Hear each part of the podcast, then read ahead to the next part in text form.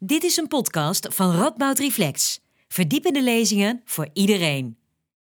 Hans Schilderman, hoogleraar religie en zorg uh, aan onze faculteit. De tweede spreker is Nina de Boer, promovenda in de filosofie van de psychiatrie, ook aan onze uh, faculteit. Zij zullen elk tien minuten spreken, gevolgd door tien minuten gesprek. Uh, ze hebben beloofd precies tien minuten te spreken, dus dat gaat helemaal fijn worden. Uh, er is geen gelegenheid voor jullie om uh, vragen te stellen nu.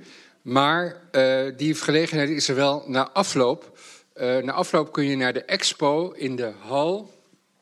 Um, en daar vindt het doordenken plaats. De twee sprekers zullen dan aanwezig zijn bij een tafeltje. En je kunt met ze in gesprek. En van harte welkom dus na de sessie. En uh, het impliciete idee daarbij is dat jullie de zaal dan wel zo snel mogelijk verlaten. Uh, uh, en naar die expo uh, gaan. rest mij niets anders dan ook nog even Michael aan te kondigen. Michael maakt de hele avond al tekeningen live bij ehm, de, de lezingen. Worden achter, op de achterwand geprojecteerd. Ja, groot applaus voor Michael, vind ik ook.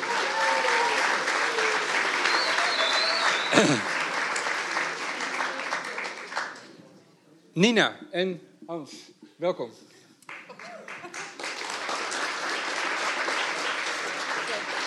Hans, jij begint. Deze is voor mij. Uh, ja, ontzettend leuk om uh, hier in jullie midden te zijn. Ik zal wat uh, vertellen over de zin van, van waanzin.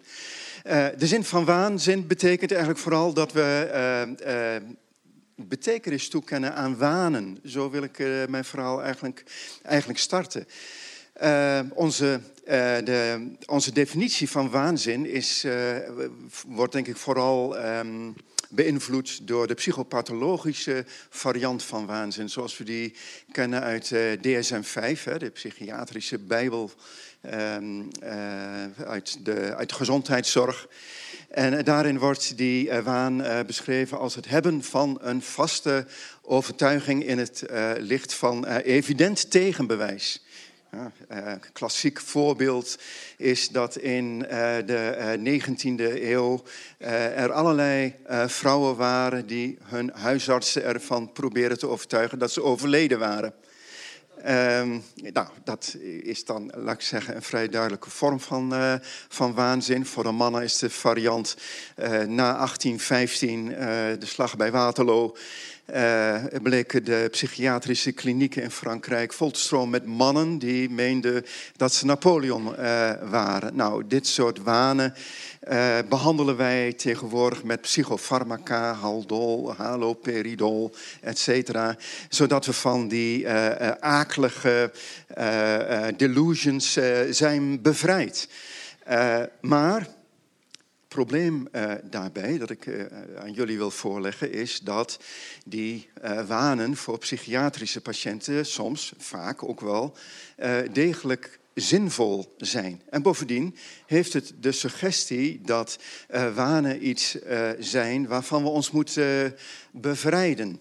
Uh, nou, dat laatste wil ik eigenlijk uh, bestrijden, of althans ik wil laten zien dat uh, wij eigenlijk voor 90% als niet-patiënten ook in wanen verkeren. De meest voor de hand liggende waan is die wij hebben, denk ik, als persoon. ik ben een unieke persoon, ik zie er heel goed uit. ik ben eigenlijk in controle als het gaat om mijn omgeving. De toekomst is mij wel gezien. Nou, het zijn herkenbare suggesties uh, misschien, maar het zijn wanen, want we weten tegelijkertijd dat dit soort zaken niet kloppen. De marketingindustrie is erop gericht om aan de hand van een product deze zaken, controle, eigen uh, waan, mooie toekomst om dat, uh, om dat te verkopen. En ja, helaas is reclame nog steeds niet verboden. Um, uh, en dan denk ik met andere woorden dat de suggesties die um, reclame biedt, ja, dat dat eigenlijk voor ons zinvolle, zinvolle zaken zijn. Nog wat uh, andere voorbeelden, levensovertuigingen van religieuze of politieke aard uh, stellen uh, allerlei voorstellingen voor waarvan we vaak weten dat ze niet haalbaar zijn. Ultiem, ultieme rechtvaardigheid of in religie de onbevlekte ontvangenis van Maria. Uh, of uh, mensen die opstaan uit de dood. Ja, eigenlijk toch niet goed mogelijk. En toch zijn ze uh, voorwerp van vaste overtuigingen. nog iets, dromen. We, we dromen twee uur per nacht. Vorige week had ik een droom. Ik wandelde in de voortuin van mijn opa en er zat een, een hert met een reekalfje in het struikgewas vast. Ik ging er naartoe en terwijl ik het reekalfje aanraakte, veranderde ze in een vrouw en in een kind en ik werd wakker. Op dat moment was mijn droom volstrekt reëel. Uh, maar uh, uh, toen ik wakker werd, was de uh, ban gebroken. Nog iets. een boek dat je leest. Een film uh, die, uh, die je kijkt, een game die je speelt. Je komt in een virtuele werkelijkheid terecht die op dat moment definieert: dit is mijn realiteit. Ik kijk nu de serie Borgen. Uh, aflevering 1 van seizoen 2. Daar heb ik twee weken naar gekeken. Ik heb tranen met huilen getuild, gehuild. Um, ja, het is een beetje waanzinnig natuurlijk. Uh, uh, maar uh, ja, je wordt meegenomen door iets en de suggestie is reëel. Nou, ik kan nog meer voorbeelden geven, maar u zult ongetwijfeld inmiddels al de vraag hebben. Ja, dat is allemaal mooi en wel wat u vertelt. Maar ehm, ja, je zult toch een criterium moeten hebben om waanzin in zin van gekte te kunnen onderscheiden. Nou, ik heb als criterium daarvoor paramount reality. Een soort ultieme realiteit waaraan je meet, uh, uh, is dat wat ik nou beleef, is dat reëel? Nou, de eerste die ligt voor de hand, dat is de wetenschap. Uh, hè, we, we, kunnen dingen rationeel en kausaal verklaren. En dat is dan de toetssteen voor het onderscheid waan of geen waan. Een andere optiek is utility. Het is, is het bruikbaar? Kunnen we uh, datgene wat we in de waan beleven ook daadwerkelijk gebruiken. En indien dat zo is, is dat een zinvol uh, criterium om te zeggen: we kunnen, dit, uh, we kunnen deze paramount reality gaan gebruiken. Derde paramount reality is religie of spiritualiteit. Een soort kader van uh, ultieme waarden die, waaraan je kunt afmeten, is dit nu echt of is dit, is dit niet echt? Uh, de psychopathologie, waar ik aan het begin aan refereerde, ook daar, uh, voor de patiënt zelf, zal er een uh, vraag zijn: wanneer is iets nou waar, wanneer is iets nou niet waar? En ja, dat is een veel lastiger vraag om te beantwoorden, om uh, dat de identificatie van de gemoedstoestanden bij psychiatrische patiënten, die zijn voor de patiënten zelf doorgaans ook erg moeilijk. er wordt wel onderscheid gemaakt tussen, laten we zeggen, survival emoties, zoals angst en kwaadheid, uh, sociale emoties. Uh, um, zoals uh, bijvoorbeeld trots en schaamte, ehm, reproductieve emoties zoals lust en uh, jaloezie. En tenslotte strategische emoties zoals, nou laten we zeggen, hoop of dankbaarheid. Voor psychiatrische patiënten kunnen dit soort um, emoties door elkaar heen lopen. Bijvoorbeeld bij zinloos geweld, hè, wat we zinloos geweld kunnen noemen, dan kan het bijvoorbeeld zo zijn dat een gevoel als, uh, laten we zeggen, uh, schaamte, hè, wat eigenlijk een sociaal inhiberende, sociaal remmende emotie is, wordt beleefd vanuit kwaadheid, hè, wat een survival emotie is. En ja, dan kan het voor een psychiatrisch patiënt die gewelddadig gedrag vertoont, wel degelijk intrinsiek zinvol zijn dat hij dit geweld vertoont. En dan is het aan ons, niet-patiënten, van belang om daarbij aan te tonen uh, ja, dat dat niet zo is. En dan moet je misschien wel behandeld worden, maar er zit ook dan een intrinsiek criterium van zinvolheid uh, in. Ten slotte drie zaken, zowel voor psychiatrische patiënten als waanzinnigen, zoals u en ik, uh, zijn dat uh, drie tips. Eén, uh, um, life is not a, a, problem to be solved, but a reality to be experienced. Betekent houd je zintuigen open.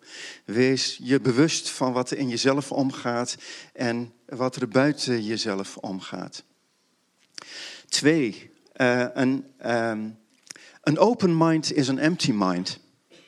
Uh, dat betekent, althans zo wil ik het opvatten, um, dat het van belang is om altijd uh, toeschouwer te blijven bij wat je doet. Je bent deelnemer in de ervaring, maar het is ook goed om voortdurend afstand te nemen en kritisch te blijven op wat je doet, hoe je het doet en, en daarop aan te, aan te spreken. Laatste punt en dan stop ik. Um, het mag, geloof ik. Um, dat is uh, build a bridge and get over it. Um, heel erg belangrijk, denk ik, als je het hebt over uh, de zin van waanzin, is dat je bruggen bouwt, dat je bezig blijft. Dat je aan je levensplan werkt en dat je bij problemen aan outreach uh, doet. Hè? Het, uh, vaak liggen de oplossingen niet zozeer in het uh, werken aan jezelf, maar in het werken aan de ander. waardoor je een veel beter inzicht krijgt in wie je zelf bent. Dank jullie wel.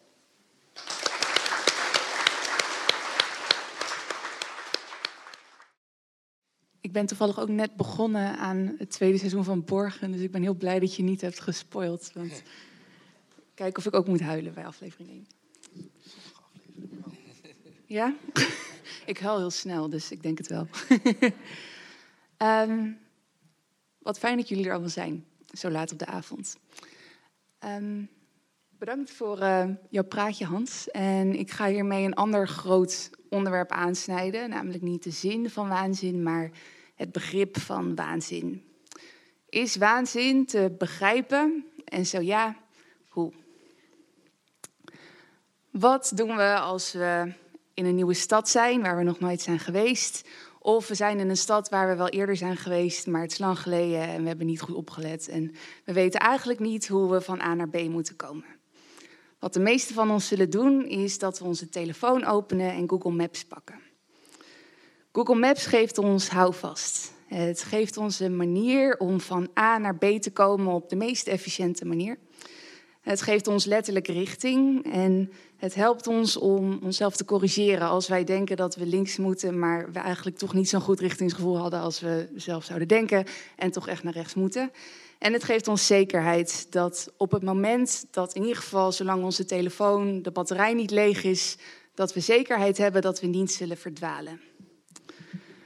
Maar Google Maps laat ons niet alles zien. Het laat niet zien dat de straat die eentje verder is eigenlijk een stuk mooier is dan de straat waar je doorheen werd geleid via de meest efficiënte route.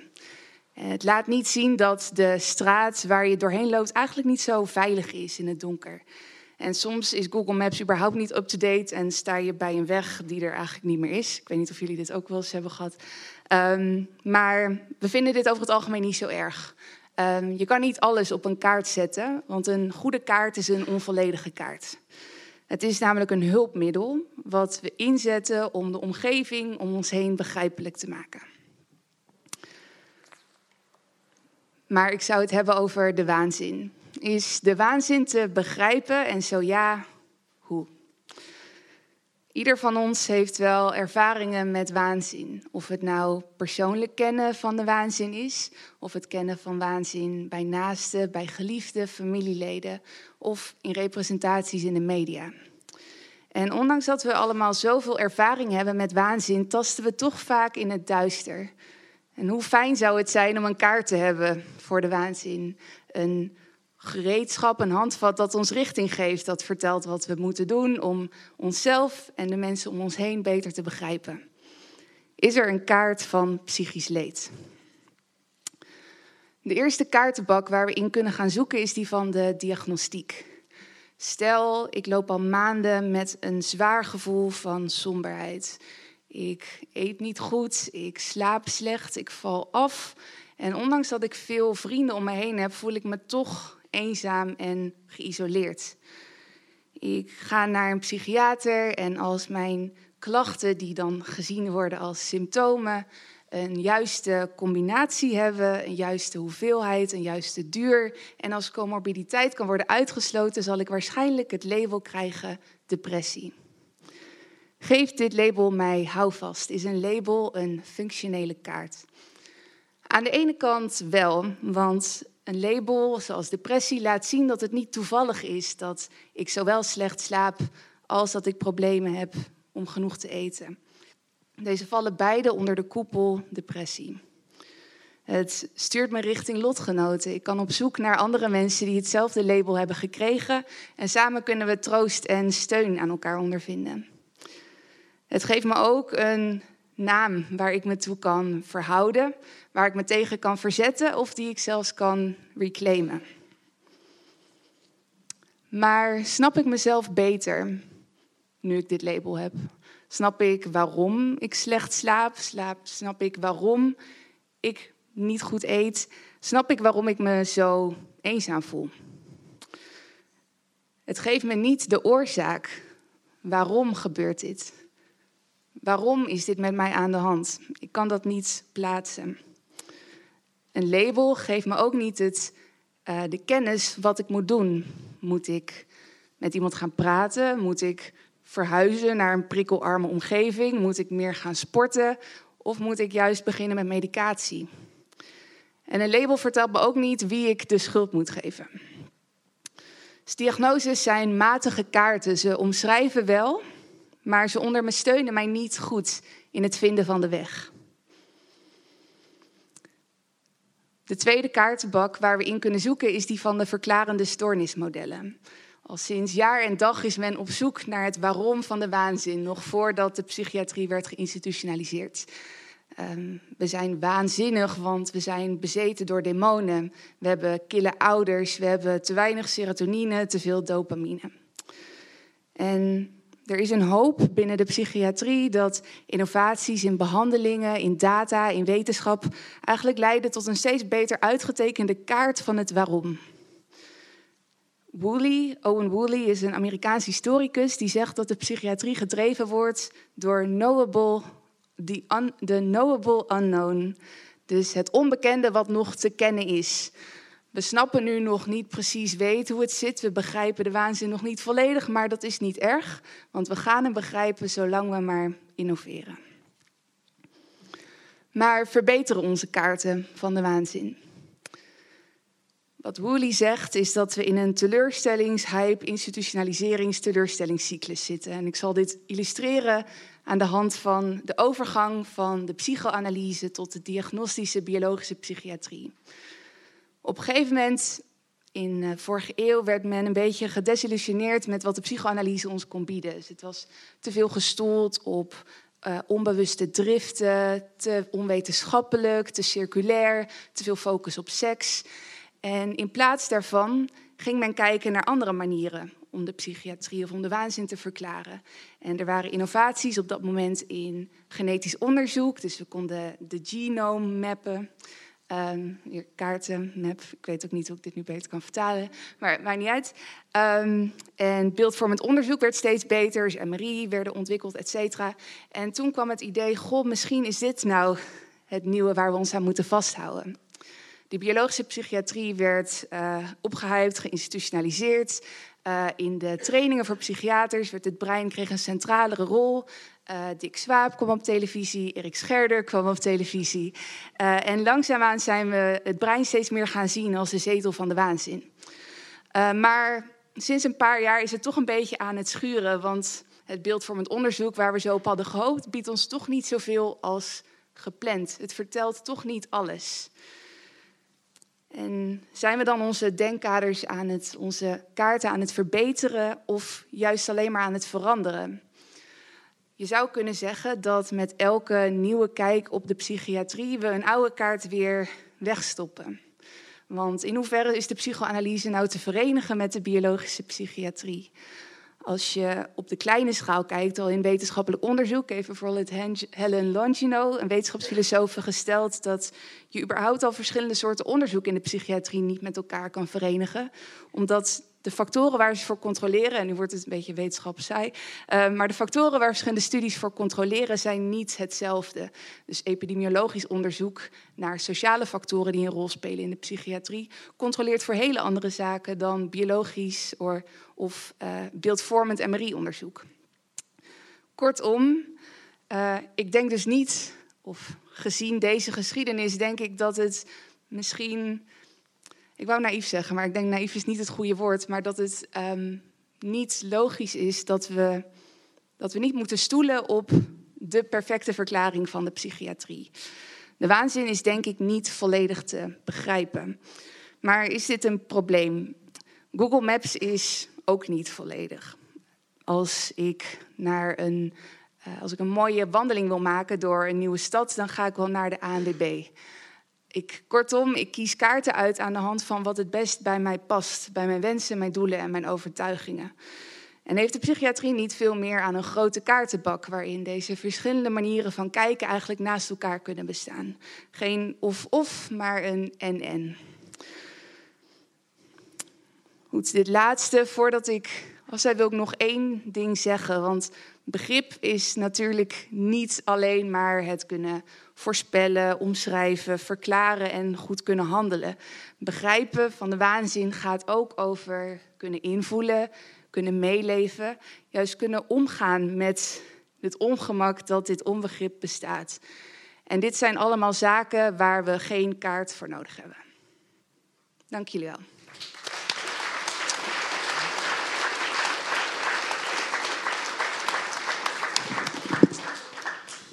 Ja, dank jullie wel. Um, een eerste vraag die ik heb is aan, aan Hans. Um, ik, had, uh, ik kreeg een beetje een, ambigu, een dubbelzinnig gevoel bij de, de, de rol die religie uh, speelde in je, in je verhaal. Uh, dus aan de ene kant had je het over de onbevlekte ontvangenis en heb je het katholieke volksdeel hier zitten beledigen. En, uh, uh, uh, en anderzijds had je het over religie als een van die toets, als een van die realiteiten waaraan getoetst werd. Ik, dus ik, ik, begreep niet hoe ik dat moest situeren, zeg maar.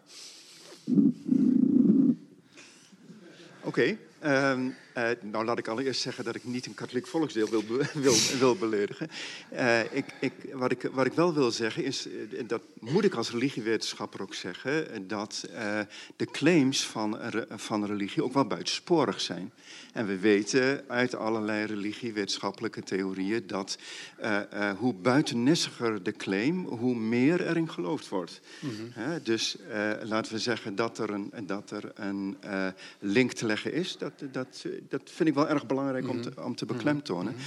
Tegelijkertijd is het ook uh, een toetssteen. Hè? Dat is jouw vraag ja, eigenlijk. Hè? Ja, hoe die je, toetssteen dan werkt. Uh, ja, hoe ja. die toetssteen. Ja, ik denk dat die... Het zijn eigenlijk drie, drie toetsstenen. Hè? Dus uh, dat is eigenlijk een inzicht dat ik aan Alfred Schutz um, ontleen.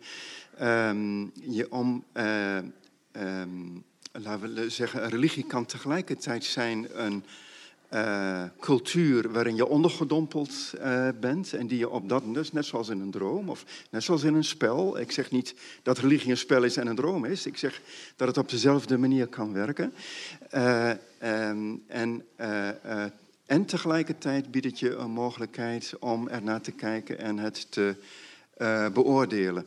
Er zijn drie manieren. Hè. De, de, wetenschappelijke manier, die eigenlijk uh, een steeds dominantere uh, manier is, terwijl je van wetenschap niets kunt leren. Ik vind dat echt heel belangrijk om te beklemtonen. Althans, niets voor je dagelijkse leven. Uh, je, voor je dagelijkse leven zou ik zeggen, kan de religie je veel meer leren mm -hmm. dan, dan de wetenschap. En ehm, dat geldt ook voor uh, dat utilitaire paradigma. Hè? Dat leert je hoe te handelen in problematische situaties.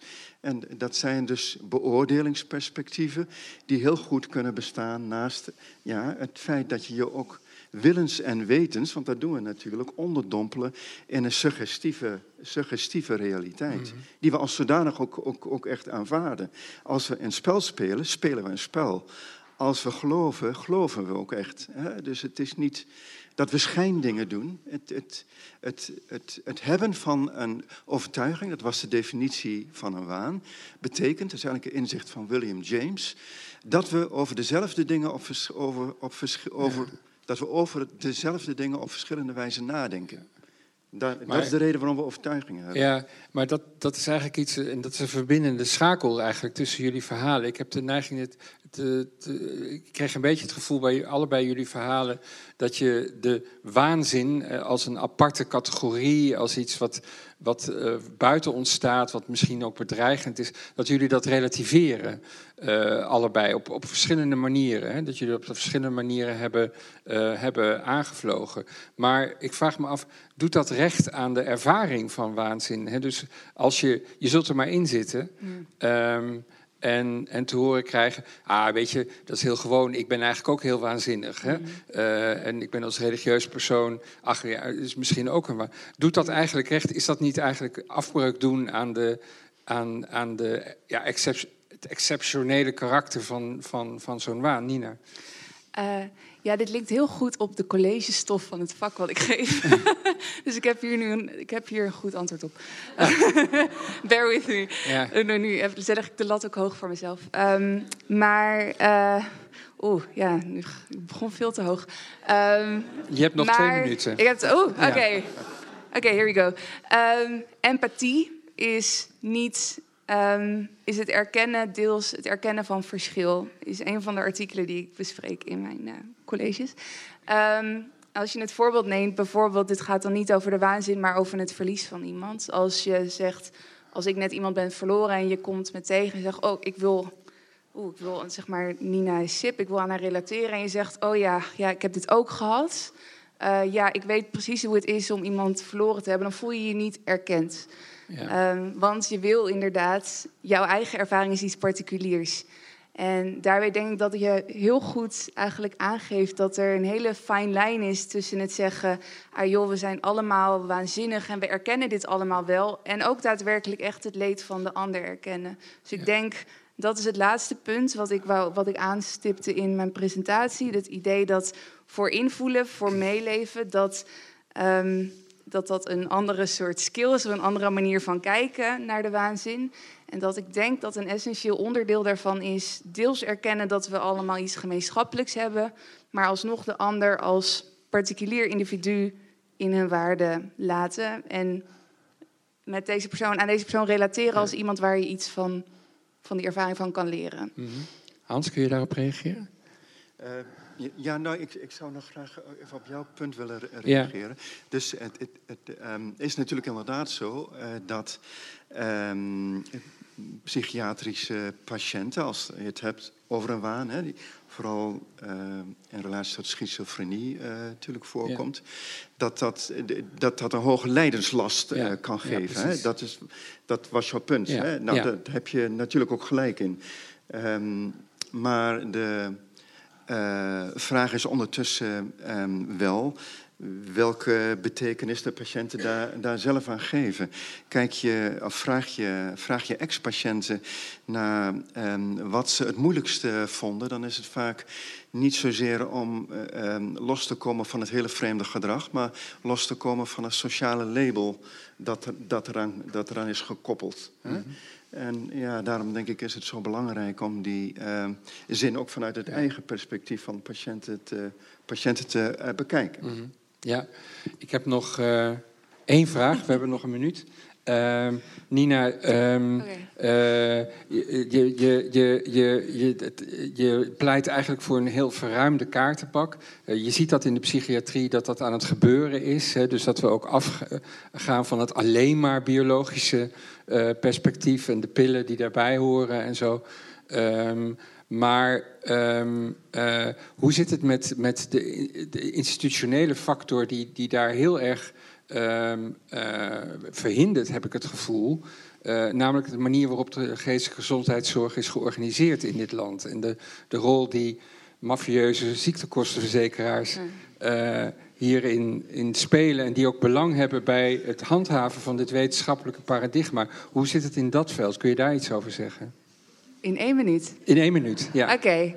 uh, here we go. Um, ja, ik denk wat belangrijk is om mee te nemen... en ik denk dat dat, ja, dat is niet iets waar we uh, nu een antwoord op kunnen vinden... of soort van, die instituten die blijven er zijn. En ik denk net zoals wat jij eerder zei, Hans... dat uh, je zei in het dagelijks leven speelt religie een, eigenlijk een belangrijke rol voor mensen... voor zingeving en om zichzelf, zeg maar begrijpelijk te maken, denk ik dat dus de wetenschap, de manier waarop er in de wetenschap en in de instituten gesproken wordt over, over waanzin, dat dat heel erg een directe impact heeft op hoe mensen zichzelf begrijpen. Ik denk überhaupt al dat bewustzijn, dat dat al een schakel is. En dat je dan, als je weet dat dat niet de enige optie is die er is, maar dat er verschillende manieren van kijken zijn, dan wrikt dat misschien al het institutionele los van dit is daadwerkelijk wat er aan de hand is. Mm -hmm. Ik kan er nog veel meer over zeggen, maar dan gaan we voorbij de ja. tijd. um, we moeten stoppen, maar zoals uh, gezegd, dit is niet het uh, einde van de discussie, dit is het begin van de discussie. Uh, welkom beneden zometeen bij, bij Doordenken, waar jullie nog door kunnen denken en door kunnen delen met, met Hans en Nina. Groot applaus voor Hans en Nina.